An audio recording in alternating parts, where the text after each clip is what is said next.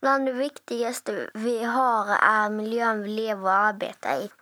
Jag vill att mina föräldrar ska ha en bra och säker miljö på sitt arbete. Det vill jag själv ha när jag börjar jobba. Och fram till dess vill jag ha en sist miljö på min skola och min fritid. Det är inte okej okay att bli sjuk av att vara i skolan, jobba eller vara ute i naturen. Detta är allvar för mig. Några som också tar dessa frågor på allvar är arbets och miljömedicin SID. De har gjort en podd för oss som är intresserade av dessa miljöfrågor. Nu lyssnar vi.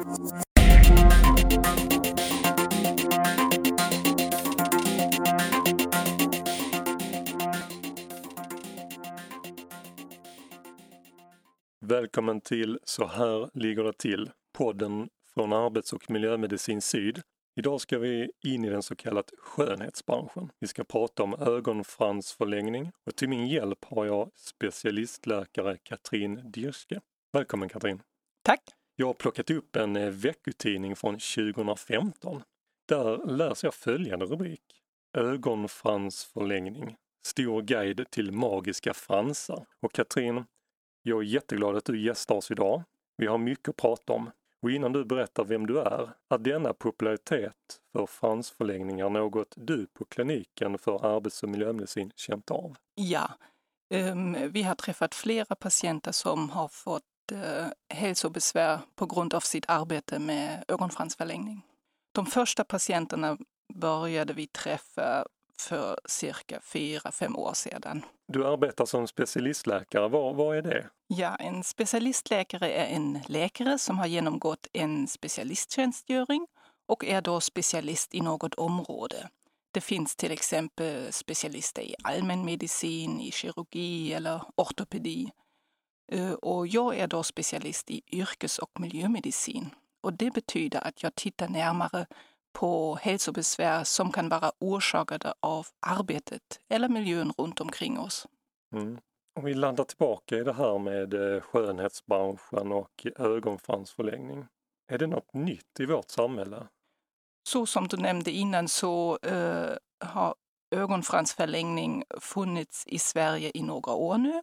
Och um, ja, jag träffade de första patienterna för cirka fyra, fem år sedan och uh, de hade besvär utlösta av sitt jobb som fransstylist. Mm. Det är ju en grupp av patienter man tänker på, de som jobbar med det. Eh, de som är kunder. Ja. Eh, hur har du mött problematiken där? Vi vet att även kunderna kan få besvär ehm, och då framför allt besvär kring ögonen med till exempel röda ögon, svullna ögon eh, eller torrkliande eksem runt ögonen. Det är ju en klinik i arbets och miljömedicin där man tittar på sambandet mellan en sjukdom och det man exponeras för i jobbet eller det man utsätts för i jobbet. Kan det bli så att om man är kund på en salong för ögonfransförlängningar att man blir patient hos oss? Eller är det endast de som jobbar med det? Eftersom kunderna för det mesta får eh, hudbesvär så tror jag att de framför allt eh, söka vårdcentralen eller hudkliniken. Så vi på arbets och miljömedicin träffar framför allt fransstylisterna, de som arbetar med ögonfransförlängning. Det. Så det är då främst de du har eh, mött som patienter, de som jobbar med precis, det? Precis, precis. Mm. Mm. Det man undrar är ju, varför är ögonfransförlängning farligt? Om, om det är det? Ja.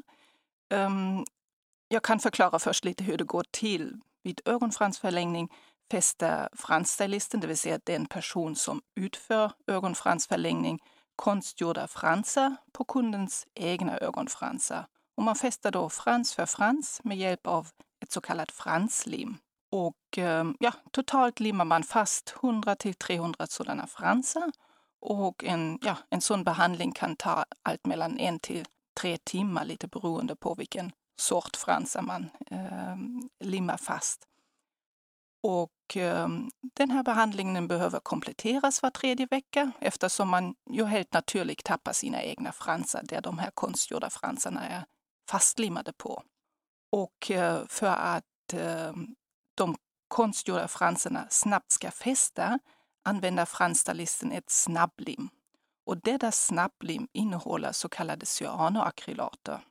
Och eh, ett sådant cyanoakrylatlim härdar på några sekunder och dessa limmar är välkända sedan tidigare för de används i många andra arbetsområden, till exempel inom elektroindustrin för att fästa små detaljer.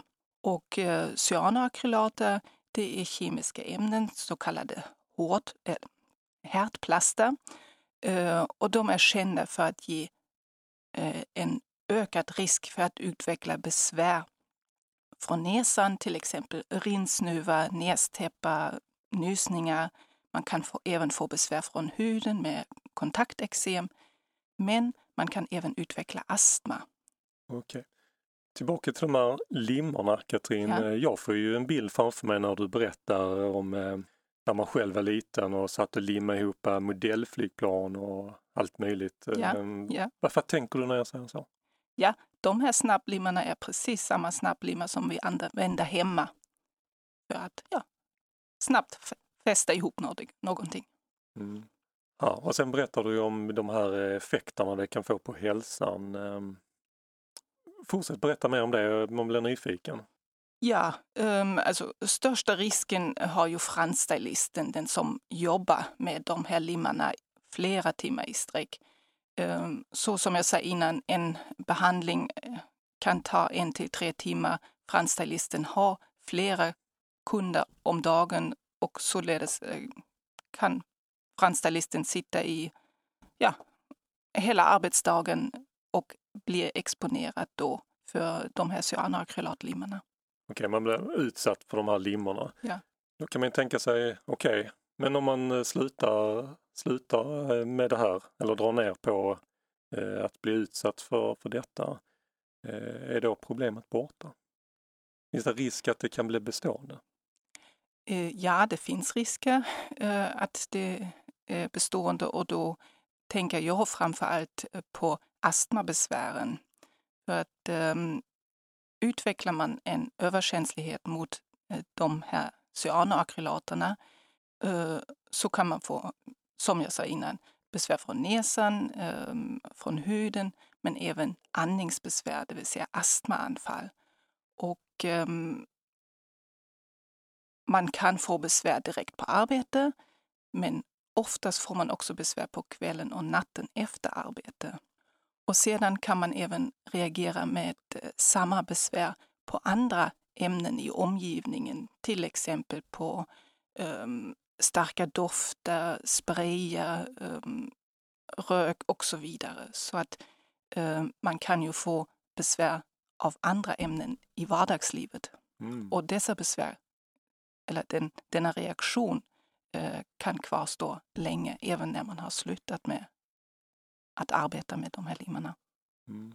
För att bli utsatt för, för den här hälsorisken, hur, hur länge bör man arbeta med detta för att vara i riskzonen? Någon exakt siffra kan man inte uppge det. Det vi har sett på de patienter som vi har träffat är att de har utvecklat väldigt snabbt, det vill säga inom en, två månader har de fått besvär Ja, från ögonen och till och med astma. ja, okej. Eh, eh. Eh, det vi har sett är att fransstylisterna eh, väldigt snabbt inom en till två månader har utvecklat hälsobesvär från näsan, från huden och till och med astma. Men det här barnet som sitter hemma och med sin eh, pappa och bygger modellflygplan kväll efter kväll. Hur ska man tänka där? Man, Ja. börjar, man börjar bli lite orolig. Ja. Det första är att du ska läsa på innehållsförteckningen och på alla varningstexter som står på förpackningen, eller ska stå på förpackningen och på själva limtuben. Det finns information att det, de här limmarna eh, kan utlösa eh, överkänslighetsreaktioner, allergibesvär och man ska arbeta i välventilerade utrymmen, gärna utomhus. Ehm, ja, det är väl det viktigaste att tänka på. Mm. Tillbaka till skönhetsbranschen.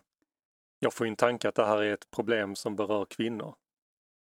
De patienter som vi har träffat har varit unga kvinnor.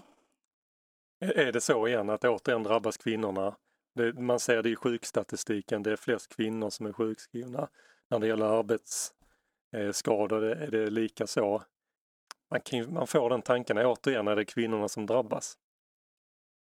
Det verkar tyvärr vara så att det är framförallt unga kvinnor som arbetar som fransstylister. Ja. Mm.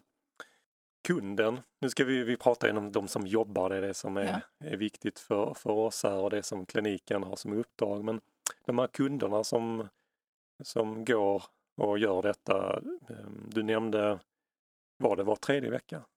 Ja, precis. Man behöver göra om uh, en så kallad påfyllning cirka var tredje vecka. Mm. Ur ett hälsoriskperspektiv för kunden var tredje vecka, hur ser du på det som läkare? Som jag sa innan så har ju kunderna också eh, Eh, risk att utveckla besvär. Och um, upprepar man behandlingen så har man ju en, en ökad risk att få besvär. Mm. Eh, eh, vissa, vissa, vi människor är ju olika, vi är olika byggda och olika förutsättningar och är olika känsliga.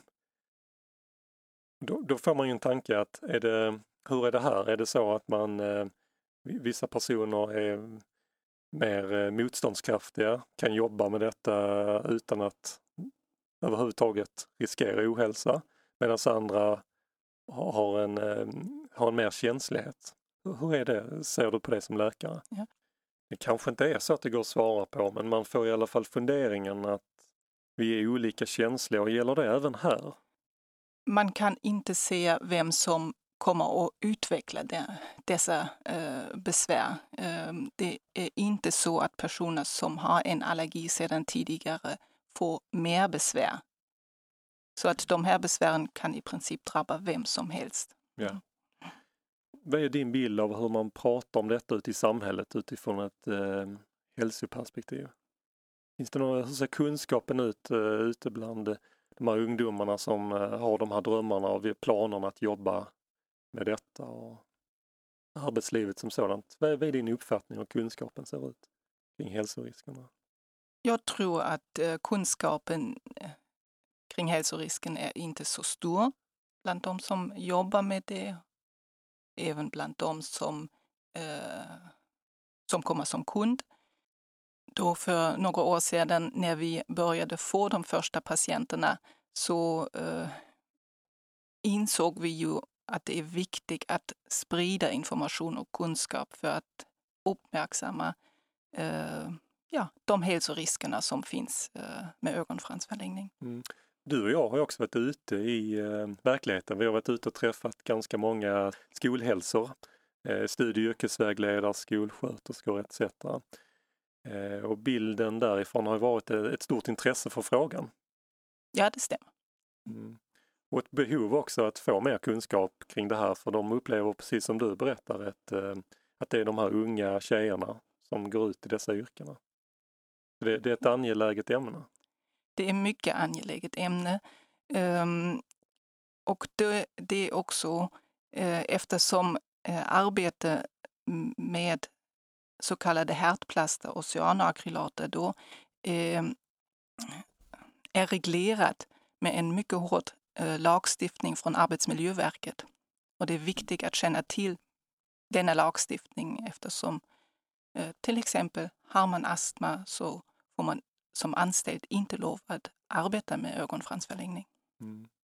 Ja, just det, den kopplingen mellan att det faktiskt finns eh, lagstiftning som reglerar arbetsmiljön ute det är också min erfarenhet när vi har varit ute att eh, man, är, mm, man får en liten aha-upplevelse, just det, man behöver bli påmind. Eh, tillbaka till det här med farorna. Kan man skydda sig för detta när man jobbar som eh, fransstylist?